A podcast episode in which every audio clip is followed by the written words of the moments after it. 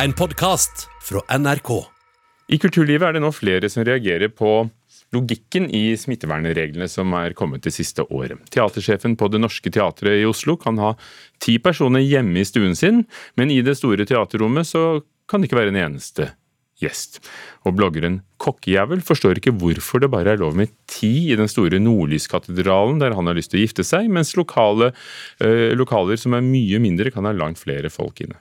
Så Hvis vi tar med oss en prest på polet, så kan vi døpe lillebror i rødvin hvis vi vil, og enda 50 flere gjester enn hvis vi har gjort det i kirka. Det er jo et eller annet som skurrer her. Asbjørn Sandal, kokkejævel, og kjæresten hadde planlagt romantisk bryllup i Nordlyskatedralen i Alta, men så fant de ut at i den svære katedralen på 2000 kvadratmeter er det ikke lov til å være flere enn ti personer. Så jeg gikk på Amfi, og der fant jeg ut at Hennes og Maurits er perfekt. For der er det akkurat plass til 120 stykker. Jeg skal svirre rundt der og, og både synge og velsigne og alt. Så derfor fant vi ut at vi gifter oss faker meg på Hennes og Maurits. Han er en av flere som etterlyser en begrunning for hvorfor kulturlivet og religiøse hus har blitt nedstengte eller pålagde strenge smittevernregler, når kjøpesenter og butikker har fått holde åpent. Jeg har full forståelse for, for smittevern og hele pakka, men altså, jeg forstår ikke hvorfor det er mer smitte i et digert kirkerom som Nordlyskatedralen eller Nidarosdomen for den saks skyld. Hvorfor er det lov med ti stykker i Nidarosdomen, og så er det lov med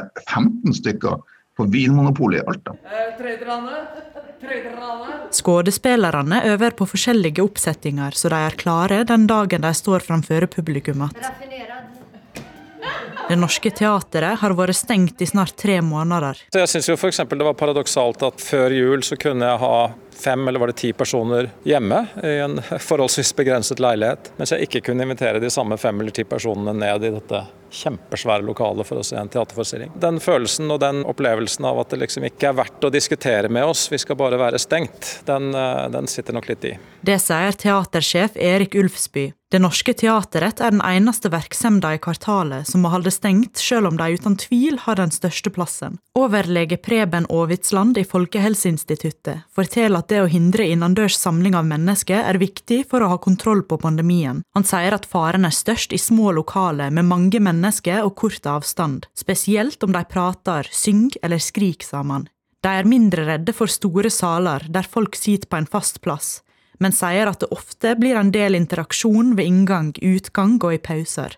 Men Ulfsby mener at de kan ha like godt smittevern på teateret som til dømes kjøpesenter. Han mener at en burde se an forskjellen mellom en liten nattklubb og en stor arena, og at Kultur-Norge må få de samme individuelle vurderingene som andre virksomheter. Så er det jo ikke noe tvil om at det nok har bredd seg et ubehag i kulturlivet over å oppdage hvor langt ned på politikernes prioriteringsliste vi faktisk står. Det er veldig lite snakk om kulturlivet når vi snakker om mulige gjenåpninger nå, til tross for at vi jo har kjempegod plass og veldig mange arenaer hvor det ligger vel så godt til rette for smittevern som på f.eks store kjøpesentre og andre steder. Kulturarrangement samler ofte folk fra ulike deler av landet, forteller statssekretær Maria Jaman Bjerke fra Helse- og omsorgsdepartementet. Hun sier at de fleste smitteverntiltakene handler om å redusere kontakt mellom mennesker fordi viruset smitter veldig lett mellom folk. Derfor er det de aktørene som lever av å samle mange mennesker, det går mest utover. Det sa vår reporter Emily Louise Milland Eide, som hadde laget reportasjen sammen med Ida Yasin Andersen. Kulturkommentator her i NRK, Agnes Moxnes. Noe skurrer her, det sier altså bloggeren Asbjørn Sandøy. Og han kan da i teorien holde fest for 120 på et kjøpesenter, men har bare ti stykker i Nordlyskatedralen. Hvorfor, hvorfor er det sånn? Sånn har det vel egentlig vært siden Norge ble nedstengt 12.3, altså for snart et, et, år siden.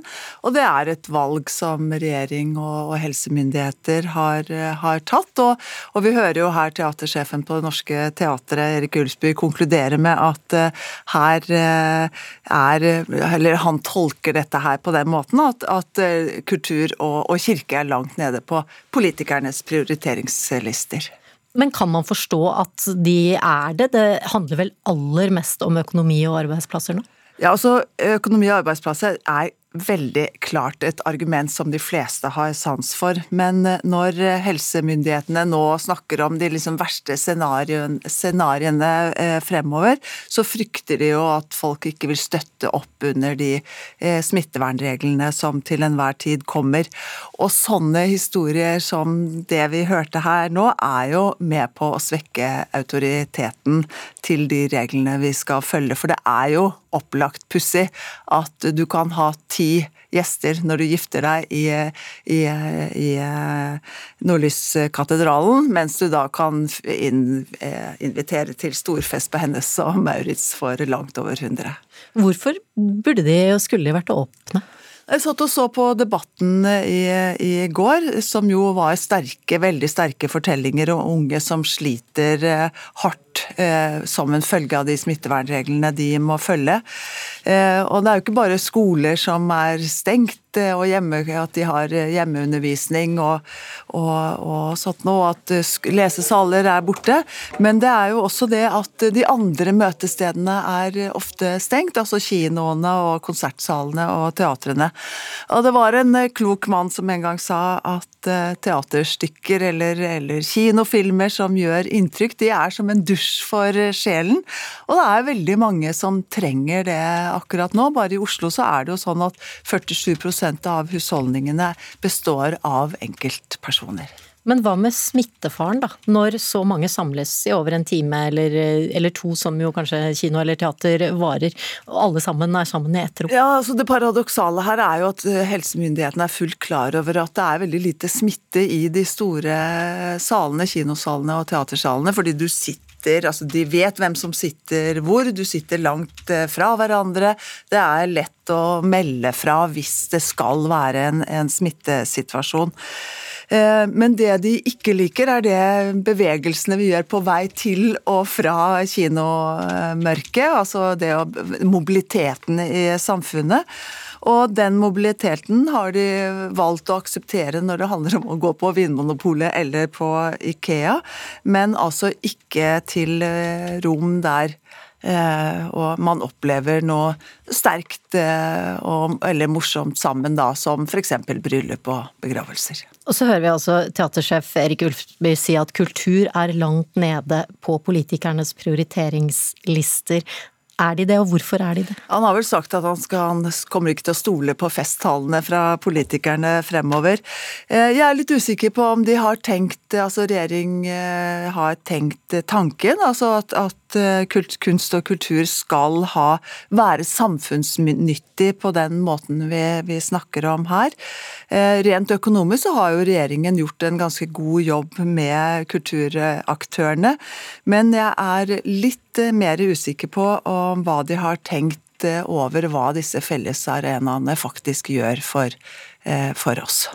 Takk til kulturkommentator Agnes Moxnes. Og så ble det nettopp kjent at regjeringen fordeler 165 millioner kroner til å stimulere nettopp kultursektoren. Og 40 millioner kroner av disse pengene skal gå til å flagge filmer hjem igjen, altså til norske filmer og TV-serier der innspillingene skulle skje i utlandet, som nå kan få støtte til å flytte innspillingen tilbake til Norge. For det kan jo hende at det ikke kan være i utlandet engang, alt er jo så strengt og vanskelig med det. I 1919 vedtok norske myndigheter reinbeitekonvensjonen. og Den førte til at grensen ble stengt for eh, samer som i generasjoner og tusenvis av år hadde levd i Norge og i Sverige og Finland vekselvis. Eh, de pleide å ta reinflokkene sine til kysten av Troms om sommeren. Og like etter startet den svenske staten en tvangsflytting av samiske familier til andre steder enn der de hadde bodd. Det er denne historien Elin Anna Labba forteller i boken 'Herrene sendte oss hit', om tvangsflytting av samer.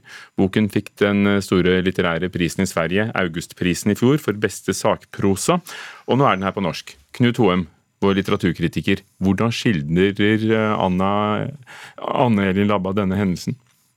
Elin Anna, Anna Labba ja, hun eh, skildrer det veldig gripende. Jeg er dypt eh, beveget over eh, å ha lest dette. Hun går på disse flyttsammenes gjengrodde stier, og det er jo altså ganske lange stier. De reiste jo fra Finland og Sverige til det de kalte havlandet og sommerlandet, som var på kysten av Troms. Og de forflyttet seg jo 300-400 km. Altså fra Karesuando i Lappland til Senja er det 307 km, sier Google Maps. Og det var jo ikke Monsen og Nansen som var på tur, det var jo samiske familier med sleder og reinsdyr og trekkdyr og gammer og kaffekjeler og porselenskopper som var ute og gikk. Uh, og dette gjenskaper Elin uh, Anna Labba, for at ikke også historien om de skal gro igjen. altså Selv om disse stiene gror igjen, og disse gamle plassene, disse plassene der de slaktet reinsdyrene gror igjen, så gjenskaper hun det i skrift. Hva er historien bak reinbeitekonvensjonen som, som gjorde at Norge stengte grensene for de svenske samene?